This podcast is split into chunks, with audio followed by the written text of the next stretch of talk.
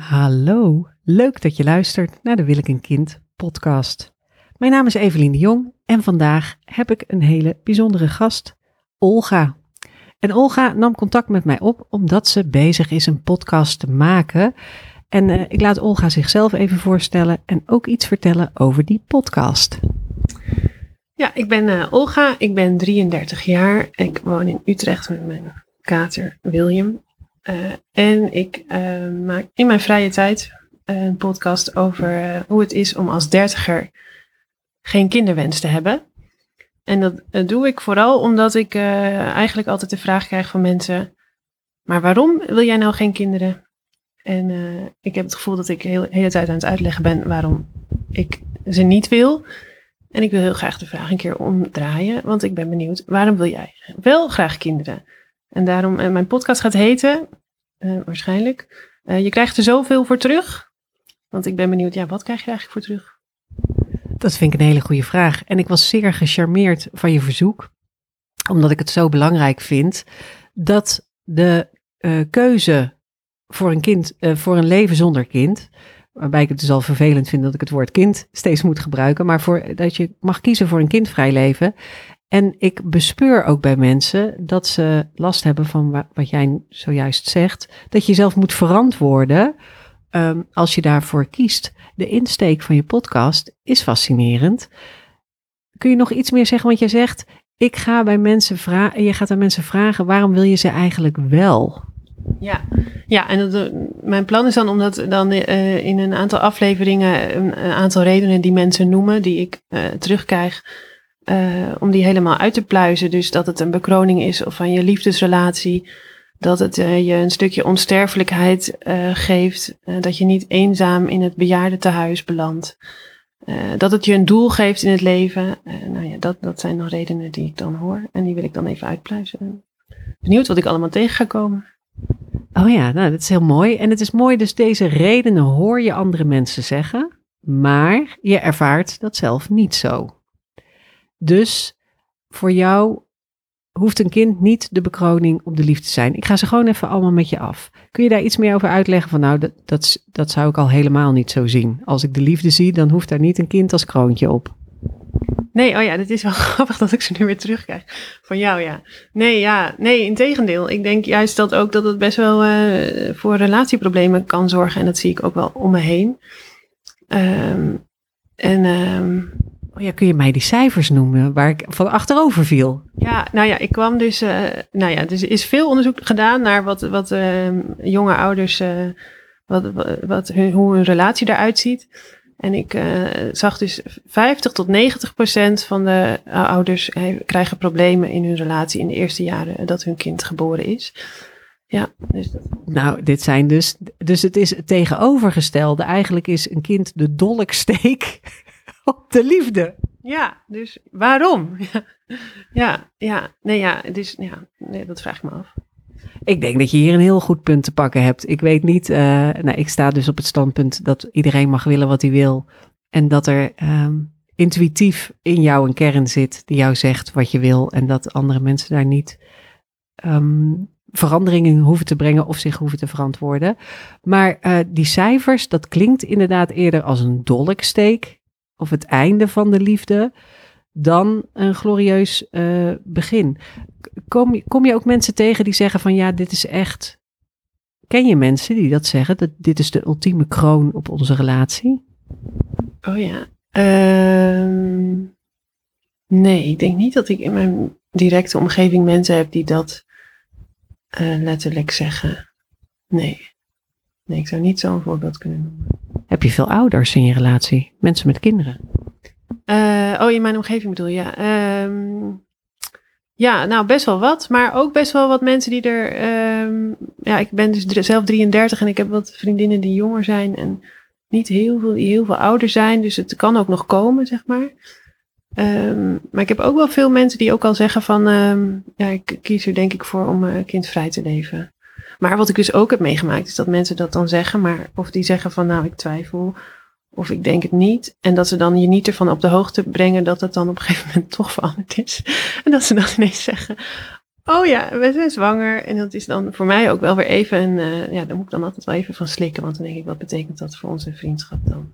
Ja, dit, dit, herken, dit herken ik heel erg bij de vrouwen waar ik mee werk. Dat ze. Um, ja, hoe vertel, hoe vertel je. Want je gaat niet vertellen dat je aan het proberen bent zwanger te worden. Dus uiteindelijk vertellen ze het pas als ze twaalf weken zwanger zijn. En mijn advies aan mensen is om iedereen toch een persoonlijk appje te sturen. En een appje is misschien niet heel persoonlijk, denk je, maar dan kunnen de mensen dat incasseren in hun eigen tijd en daar zelf even op kouwen voordat ze in een groep ineens daarmee geconfronteerd worden. Ehm, wat zou voor jou een kroon zijn op de liefde? Oh jeetje, ja, nou ja, ja, die heb ik dus nu op dit moment ook niet. En dat vind ik ook wel heel lekker om even vrijgezel te zijn. Dus ik vind het moeilijk om daarover over eh, na te denken. Maar ik denk dat ik gewoon het samen zijn met iemand uiteindelijk wel weer heel fijn vind. Ja, maar gewoon goede gesprekken kunnen hebben met iemand. Ja, dat, ja. Dus er hoeft niet een, uh, en trouwen? Nee. Nee. Zegt ze, het is heel aarzelen. Nee, nee.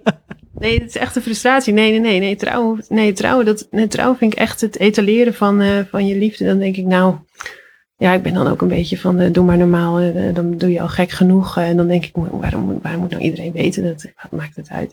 Het is toch aan jullie, met elkaar ben je toch een eenheid en dat is leuk, maar je hoeft dat toch niet. Dat vind ik heel verfrissend. Vind ik heel verfrissend. Ik ben zelf ook niet getrouwd. Um, dus dit was Kind als bekroning op de liefde. Nou, het is duidelijk dat dat voor jou niet geldt. En eigenlijk de statistieken laten dus zien dat het maar voor heel weinig mensen. Ik schrik nogmaals, ik schrik van die cijfers. Wat ik ook trouwens las, pas in de krant, waren de cijfers van um, psychische problemen bij vrouwen na de bevalling. Dat zal samenhangen met deze cijfers. Uh, of er zal een correlatie zijn. 1 op de 10 krijgt een psychische diagnose van depressie of angststoornis en 1 op de 5 milde psychische klachten. Dus uh, nee, uh, dat is niet een garantie op een lekker liefdesleven. Wat waren de andere, uh, de andere argumenten? Wat was het tweede?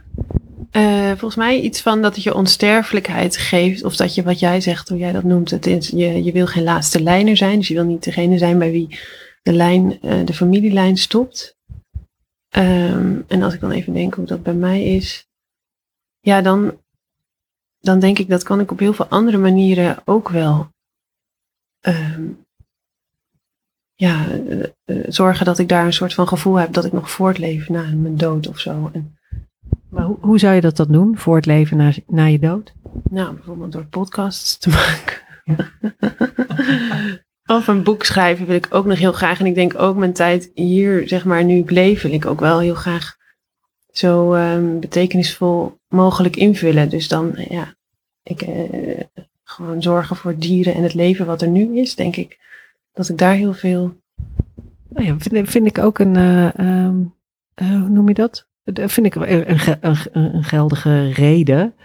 Um, over die laatste lijners, ja, dat is een woord dat ik gebruikte, wat ik zelf hoorde van iemand die ik begeleide. Die zei, oh ja, maar ik wil niet een laatste lijner zijn. Dat wil zeggen dat je dan na jou de familie bij je ophoudt.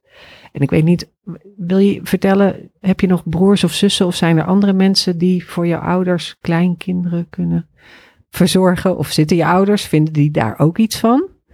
Ja, nou uh, ja, ik heb een broertje en een zusje. Um, en... Uh, ja, hoe het met hun kinderwens zit, weet ik nog niet. Ze zijn ook een stuk jonger dan ik. Um, en uh, um, ja, en mijn ouders die, die weten, dat, weten door mijn relatiebreuk ook wel hoe ik, er, hoe ik erin sta. Dat ik geen kinderen wil. En die hebben, ja, die supporten. Sorry, je relatiebreuk is ontstaan omdat je geen kinderen wilde en hij wel. Ja, ja dus ik had een relatie van acht jaar en op een gegeven moment, uh, ja, uh, kom je dan op een punt dat iedereen uh, om je heen uh, toch aan kinderen begint. En hij al helemaal, want hij is iets ouder. Dus um, ja, dan ga je het erover hebben. En toen kwam het wel als. voor hem was het toch wel echt iets wat hij zo graag wilde dat hij daarvoor de relatie heeft, heeft opgegeven. Want hij wilde dat ook per se binnen de relatie. Ja, ja. Ja, we hebben ook nog, we hebben wel echt, we hebben het wel zorgvuldig aangepakt. We hebben echt een half jaar lang nog onderzocht uh, met gesprekken met een therapeut erbij van uh, wat, wat kunnen we nog naar elkaar toe bewegen. Maar uiteindelijk was het te zwart-wit. Uh, en was het, zag hij inderdaad graag een gezin voor zich. En met mij er dan bij. En ja, dat zag ik gewoon niet gebeuren. Dat is heftig. Dat is een hoge, een hoge kostprijs voor een um, nog onvervuld verlangen van hem. En hadden jullie al eerder in de relatie, of was het gewoon nog niet te sprake gekomen? 33 is ook nog heel op tijd, dus misschien was het niet ter sprake gekomen. Kwam het als een verrassing? Ja, ja die vraag krijg ik best wel vaak. Of dat mensen verbaasd zijn van acht jaar een relatie en dan weet je wel pas naar wanneer, op welk moment komt het dan ter sprake. Maar het is, ja, we, we kregen al heel jong een relatie. Dus, uh, ja, dus ik was 23 en hij dan drie jaar ouder. Dus en dan heb je het er, dan, heb dan speelt het sowieso veel minder in je leven. En op een gegeven moment merkten we dat we gewoon allebei wat naar andere kant aan het neigen waren. En daar hadden we het af en toe wel over, maar ja, niet, niet heel veel. En hij is meer van de, hij, is, hij leeft heel in nu. En ik, was, ik maakte me wel zorgen over. Op een gegeven moment dacht ik, ja, dit wordt een probleem, dit wordt een probleem. maar ja, het is zijn wens. Dus ja, hoe, hoe, ik, kon, ik kon niet aan hem blijven eh, trekken van zeg nou, wat wil je nou, wat wil je nou? Het, het lag bij hem, voor mijn gevoel. Nou ja, uiteindelijk heeft hij dus ook wel. Oh ja, dit vind ik ook wel fascinerend, want ik zit vaak in de situatie waar het omgekeerd is, zal ik maar uh, uh, benoemen ook. En um, vaak is dan degene inderdaad met de onvervulde wens, die moet de kar trekken.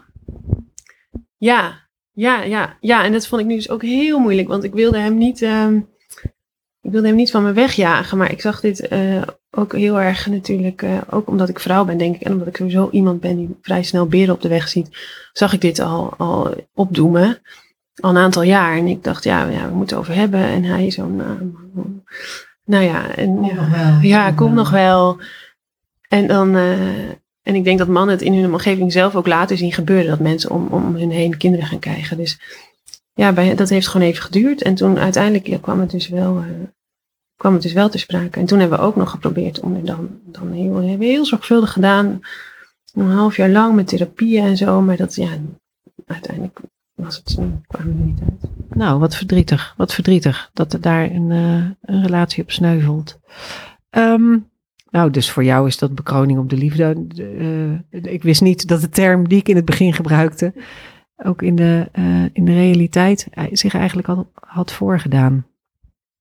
De laatste lijners, heb jij ook bijvoorbeeld dat je ouders het hebben, heb je, denk je dan ook wel eens na over de erfenis?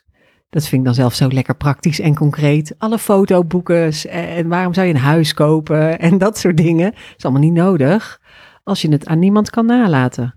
Oh, zo. Ja, nee. Ja, nu jij dit zegt, denk ik, oh ja, dat heb je natuurlijk ook nog. Nou, ik weet wel dat, ja, Lisbeth Smit heeft daar een boek over geschreven. En die zegt, ja, je moet er echt over nadenken. En, maar ik was het ook weer vergeten.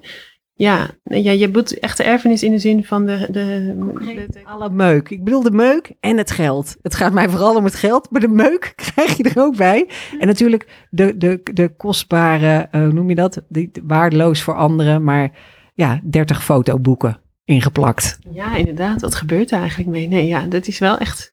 Nou, dit vind ik dan wel weer zoiets. Nee, daar heb ik eigenlijk, nee, daar heb ik eigenlijk nog niet bij stilgestaan. Waar, wie gaat daar, waar gaat dat naartoe en wat gebeurt daarmee? Nee, nou ja, goed. Ja, ik heb dus wel een jonge broertje en een jonge zusje. Dus dat, dat, dat zit dan nog onder mij voor mijn gevoel nog een beetje. Weet je, want ik kan dan doorcijpelen naar hun. Ja.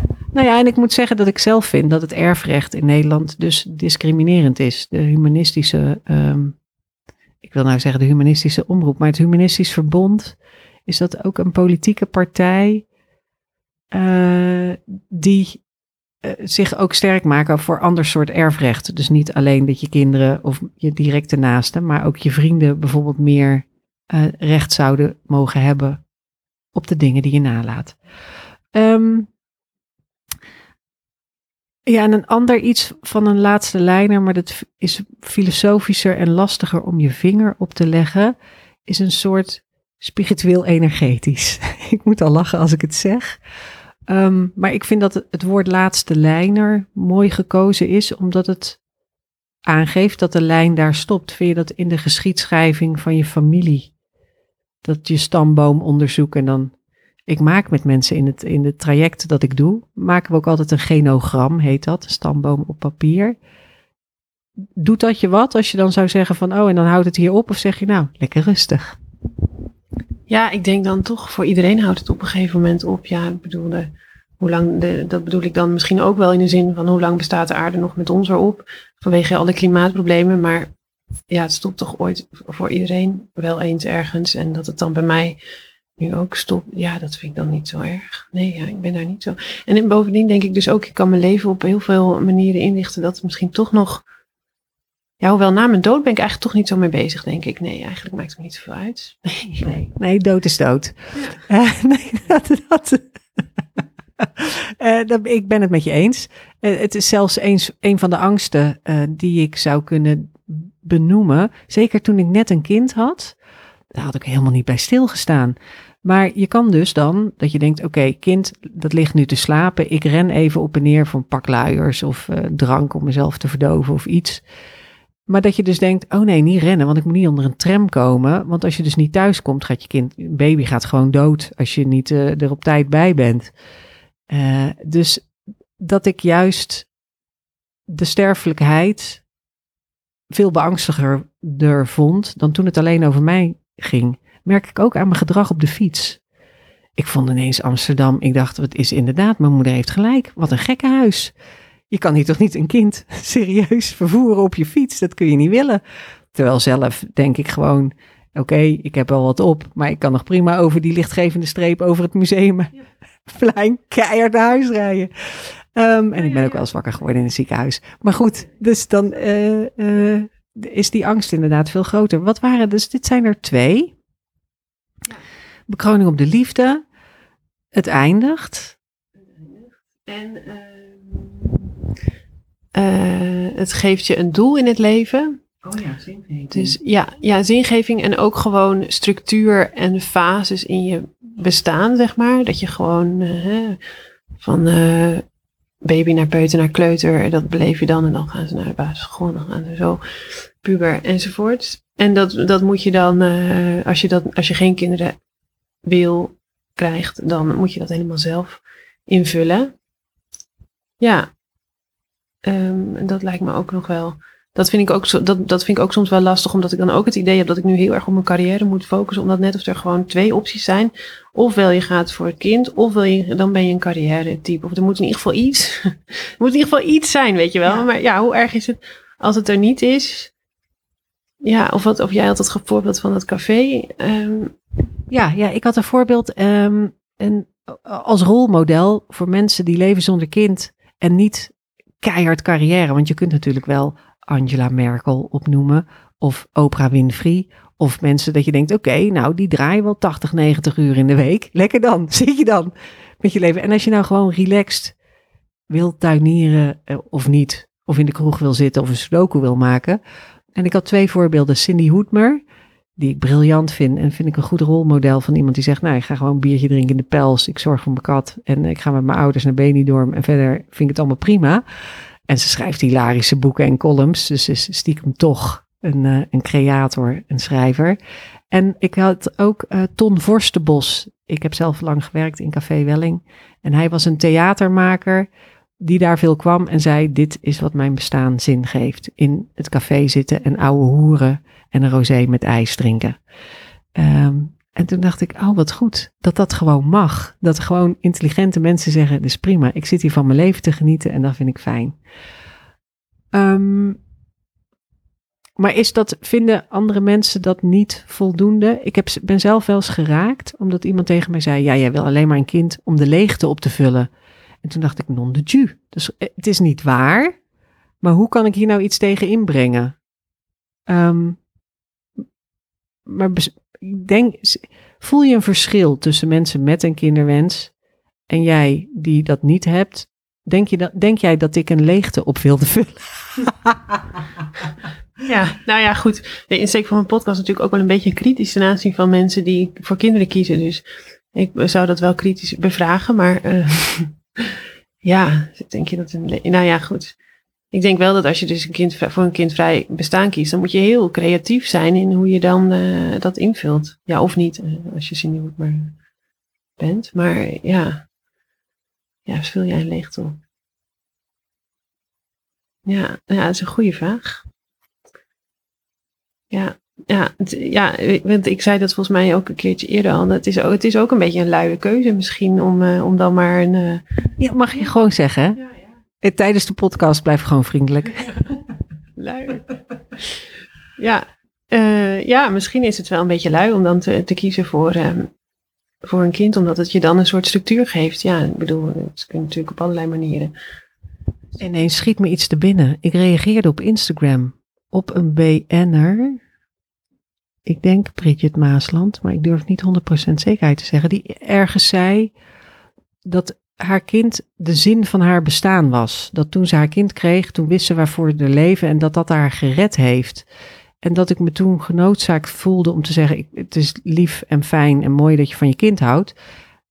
Maar als de kind de kern, de reden van je bestaan wordt, dan is dat een te zware last voor een ander mens. De, triggert dat iets? Oh ja. Ja, nou ja, dat is dan voor mij denk ik de belangrijkste reden om er dan niet voor te kiezen. Omdat ik denk ik sowieso geboren ben met een heel groot verantwoordelijkheidsgevoel. En eh, ik, ben, ik, ik ben bang dat het kind wat ik op de wereld zou zetten. eh, ja, ik kan dat niet behoeden voor van eh, allemaal narigheid. Dus dan denk ik, nou ja, dan. ik wil dat niet aan het toeval overlaten. En ik zou die verantwoordelijkheid ik ook de hele ik dagelijks eh 24-7 met me meedragen. Ook wat jij zei over dat je hè, over je eigen gezondheid moet je druk maken. Want je wilde eigenlijk de hele tijd voor het kind zijn. Of zo lang mogelijk in ieder geval. Ja. Je kan natuurlijk niet in de hele tijd. Maar zo Dit is absoluut een reden om te leven zonder kind, mensen. Dit kan ik beamen. Ja, eh, dus ja, eh, je moet goed voor jezelf zorgen. En je moet goed voor dat kind zorgen. En je hoopt dan ook nog ondertussen dat, hè, dat, dat er zo min mogelijk oorlogen uitbreken. En dat, dat, dat die aarde nog even meegaat. En pff, jeetje, ja, wat, wat, eh, wat veel, toch? Ja, dat is toch veel? Dat- Ja, ja, dat is veel. Dat is veel. En ik, en ik, eh, ik had me daarin, in alle oprechtheid, ehm, een miscalculatie gemaakt. Dus ik had niet verwacht, omdat ik nogal levensgenietend van aard ben, dat ik bang zou zijn dat mij iets zou overkomen of mijn kind iets zou overkomen. Of ik keek altijd gewoon standaard naar het journaal. En dan was journaal om acht uur in de woongroep met koffie en een koekje. Nou, was gewoon een soort routine eh, ritueeltje. Maar toen ik een kind gekregen had, kon dat helemaal niet meer. Want ik kon geen journaal meer kijken.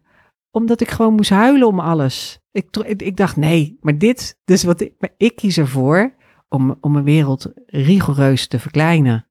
En nu ze negen is, kijk ik wel weer een beetje. Maar ik kan niet mezelf verdiepen in het klimaat, want dat trek ik niet. Dat trek ik gewoon niet. Ik vind het al dat de app mijn luchtkwaliteit te zien geeft. Vind ik al dat ik denk, nou, ugge. Ehm, maar zingeving, en we hadden het ook even over die fases. Welke grote mijlpalen zie jij nog voor je? Stel dat je, je beslist om te leven zonder kind. Wat komt er allemaal nog aan? Vanaf nu ben je 33. Wat, wat, eh, wat zijn er nog voor grote dingen die eraan komen dan? Oh ja, nou het eerste waar ik dan aan denk is dat ik dan echt eh, weer heel oud ben. En dat die. eh, nou, ik las dus dat ehm, stellen eh, dat de kinderen dus over het algemeen niet gelukkiger maken totdat ze uit huis uitgaan.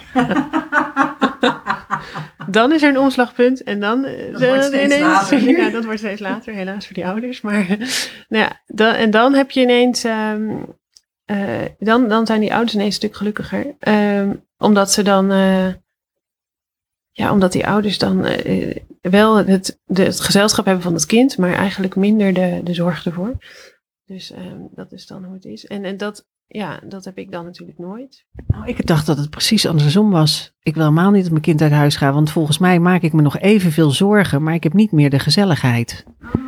Ja, dat kan ook. Oh ja, nou, ja, ja, maar dat zou ook kunnen. Ja, dat is natuurlijk ook net zo goed eh, aan de orde. Ja, ja. Ja, ja, ik zie de, maar dus ik, kijk daar niet per se naar uit, naar als ik oud ben. Maar waar ik wel naar uitkijk, is dat kinderen van vrienden wat ouder worden. Want ik heb ook een vriendin die heeft heel jong kinderen gekregen en die zijn nu al wat ouder.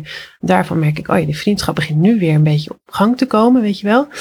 Dus dat, ehm, dat vind ik ook wel weer hoopgevend. Dat eh, als ja, eenmaal die kinderen, dan hebben ze natuurlijk minder dagelijkse zorg aan.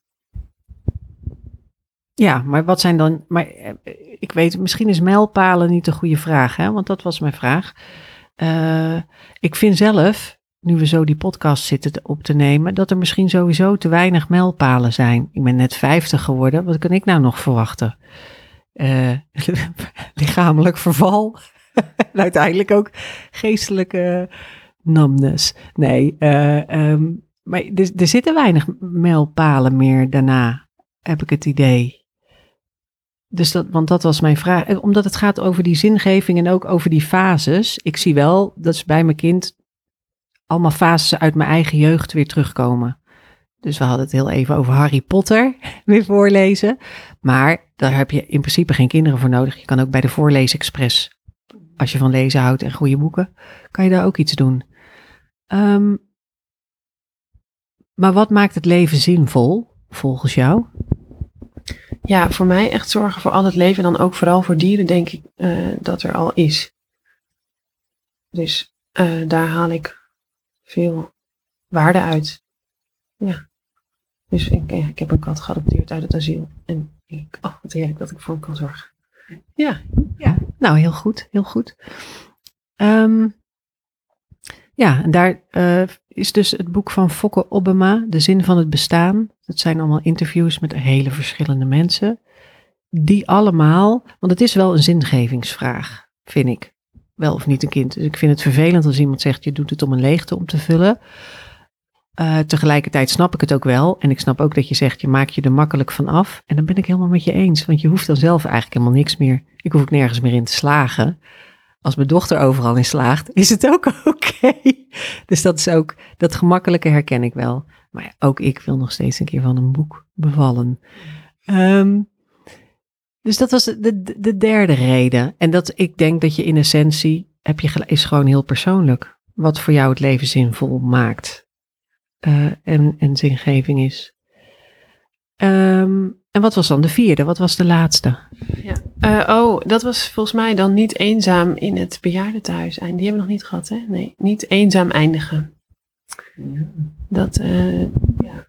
ja, dat is in ieder geval ook wat ik wel dan terugkrijg van mensen die dan zeggen: Ik heb voor kinderen gekozen. Dan zeg het nooit als enige reden. Maar ja, dat kun je misschien ook niet zeggen als dat zo is. Want dan denk je: Ja, maar heb je daarom nou kinderen gekregen? Ja, het is. Uh, uh, het, het, uh, ik hoor van veel mensen die. Ik, ik val stil omdat ik moeite heb om naar woorden te zoeken. Het is een goed punt. Je wil niet als bejaarde eenzaam zijn. Ik weet niet of dat het idee van die laatste lijn er nog mee te maken hebt. Maar voor hetzelfde geld wonen je kinderen aan de andere kant van de wereld. Voor hetzelfde geld zijn ze er niet meer. Voor hetzelfde geld zijn ze met je gebroken. Voor hetzelfde geld uh, komen ze helemaal niet langs, omdat ze er helemaal geen tijd voor hebben, omdat ze andere dingen te doen hebben. Dus, um, dus het is een vrij uh, lange lijdensweg als je geen kinderen wil en ze dan toch nemen, alleen omdat je op je tachtigste denkt, misschien wil ik ze dan nog wel. En ik vind dat ook een teken van eigenlijk hoe schraal de zorg voor onze bejaarden is. Ja, ja, dat ben ik wel met je eens, inderdaad. Um, ik hoop dat dat beter wordt, maar ik weet het niet. Of worden we alleen maar individualistischer? Wat denk jij? Ik denk ook dat er meer woongroepen voor kras, krassen knarren. meer woongroepen voor knar. Ik kan niet. Krassen, knarren. Krassen knarren is een uh, verkoten en de bieren dingetje. Krassen knarren. En, um, en misschien meer toch intergenerationeel samen zijn. Dus dat vond ik in mijn woongroep wel prettig, dat er iemand is van 50 of 60 en mensen van 20 en dat die samenleven. Want je ontmoet elkaar anders maar weinig, behalve binnen die ouder-kindrelatie. Ja, inderdaad, ja. Ja, en ik heb ook vooral vrienden uit dezelfde leeftijdscategorie, dus dat, ja.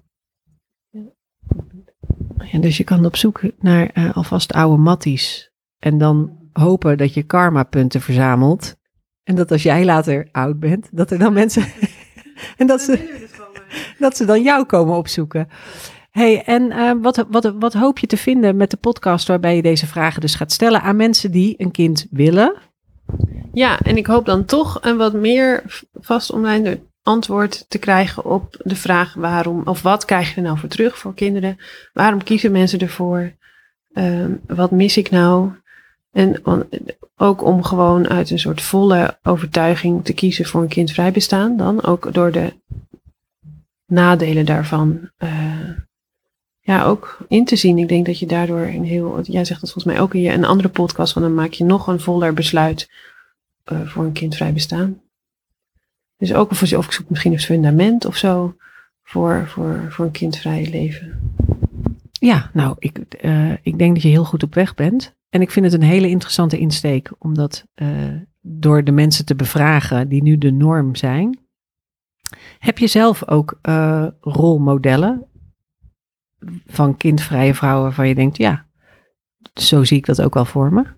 Oh ja, leuke vraag, maar dat heb ik niet per se, denk ik. Nee, schiet me nou niet per se iemand binnen. Maar ik heb dus wel meerdere mensen in mijn omgeving die daar ook uh, nu al duidelijk over zijn dat ze er niet voor kiezen. En ik, dat vind ik wel geruststellend.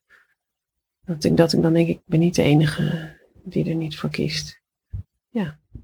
Oh ja, nou dan wil ik ter afsluiting iets wat we ineens, nu je dit zegt, triggert de eh, opmerking die je in het begin maakte, uh, pak ik terug op. Dat je zei van uh, mensen die dan zeiden dat ze het niet wilden. En dan daarna ineens uit de kast komen als toch een ouder, stiekem toch een kind. Uh, hoe sta je tegenover ambivalentie over dit vraagstuk? Dus hoe, hoeveel ruimte geef je jezelf om nu te zeggen: ik wil het niet, maar misschien over tien jaar wel? Dan ben je een beetje aan de late kant, besef ik mezelf nu, 43. Maar tegen die tijd is er ook weer nog meer technisch mogelijk. Hè? De keuze nog verder opgere opgerekt. Hoe, hoe sta je daar voor jezelf tegenover? En ook tegen die mensen die dus nu zeggen: nee, ik wil het niet. En dan misschien toch in een ander bootje stappen ineens. Ja, ja, oh ja. Ja, nee, ja, dat is een heel terecht punt inderdaad ook van jou. Ja, um, want ik heb me ook afgevraagd bij, als ik nu die podcast ga maken van ja, wat nou als die kinderwens er wel ineens komt? Ja, kan, kan dat dan naast elkaar bestaan? En dan denk ik, ja, natuurlijk kan het naast elkaar bestaan. Want je mag altijd terugkomen op iets eerder. Ja, voortschrijdend inzicht dus, ja. Um, maar ik denk wel, als het, als het dus over die vriendinnen van mij gaat, die dan dus uh, toch wel ineens besluiten om dan wel kinderen. Omdat ze mij niet mee hebben genomen in dat proces, voelde ik me dan toch een beetje buitengesloten. Snap je dat ze dan op enig moment zijn ze dus toch gaan denken van, oh ja, nee, ik wil misschien toch wel een kind. Dat is dan steeds groter geworden. En, uh, en dat ze dat dan niet met mij hebben gedeeld en dan ineens zwanger zijn, dat, dat, dat vond ik denk ik uh, het meest confronterende. En als je zelf zou gaan, gaan twijfelen of zou gaan zoeken, dan zou je dat, dan zou je dat dus wel delen. Ja, ja, dat denk ik wel, ja. Ja, dan zou ik er gewoon weer een nieuwe podcast over maken. Dat vind ik heel goed. Het, het is, ik vind en deze podcast heel goed. Dus dat je ruimte vraagt voor uh, vrouwen die uh, willen leven zonder kind. En um, die volgende podcast, die zie ik ook graag tegemoet. Want ik denk dat er te weinig ruimte is voor ambivalentie. Zeker hierin. Omdat mensen willen 100% zekerheid. En die willen dat ze dan al, voor altijd gelukkig zijn en nooit spijt hebben. En uh, zo zit het leven niet in elkaar. Heb je nog een boodschap? Want er, luisteren allemaal mensen ook naar deze podcast. Die twijfelen over wel of niet een kind. Zou je nog iets willen meegeven over waarom kindvrij ook een prima keuze is? Oh ja. Ja, nou inderdaad, wat jij, nu, wat jij net ook zegt, dat ambivalentie, daar moet echt meer ruimte voor komen. Daar ben ik het helemaal mee eens. Want je mag ook, de, je mag ook kinderen leuk vinden. Je mag ook um, het leven, of je mag het ook uh, missen dat je niet um, kan meepraten met vriendinnen die kinderen hebben. Zonder dat je dan denkt, nou dan, dan, dan kies ik toch maar voor een kind. Snap je? Je mag gewoon, dat kan naast elkaar bestaan. Je kunt er verdrietig om zijn, tegelijkertijd nog steeds kiezen voor een kindvrij bestaan. Um, dat was denk ik wel een belangrijk inzicht wat ik had. En heb nog een, een, Nou ja, ik denk ook, ja, je kunt zorgen voor het leven wat er nu al is. En dat geeft een heel betekenisvol bestaan, denk ik. Dat zijn hele mooie uh, woorden om deze podcast mee te eindigen. Zou je nou zelf ook uh, zekerheid willen over wel of niet een kind en over eventueel een kindvrij bestaan? Dan uh, check het aanbod van willekenkind.nl op willekenkind.nl. Dag!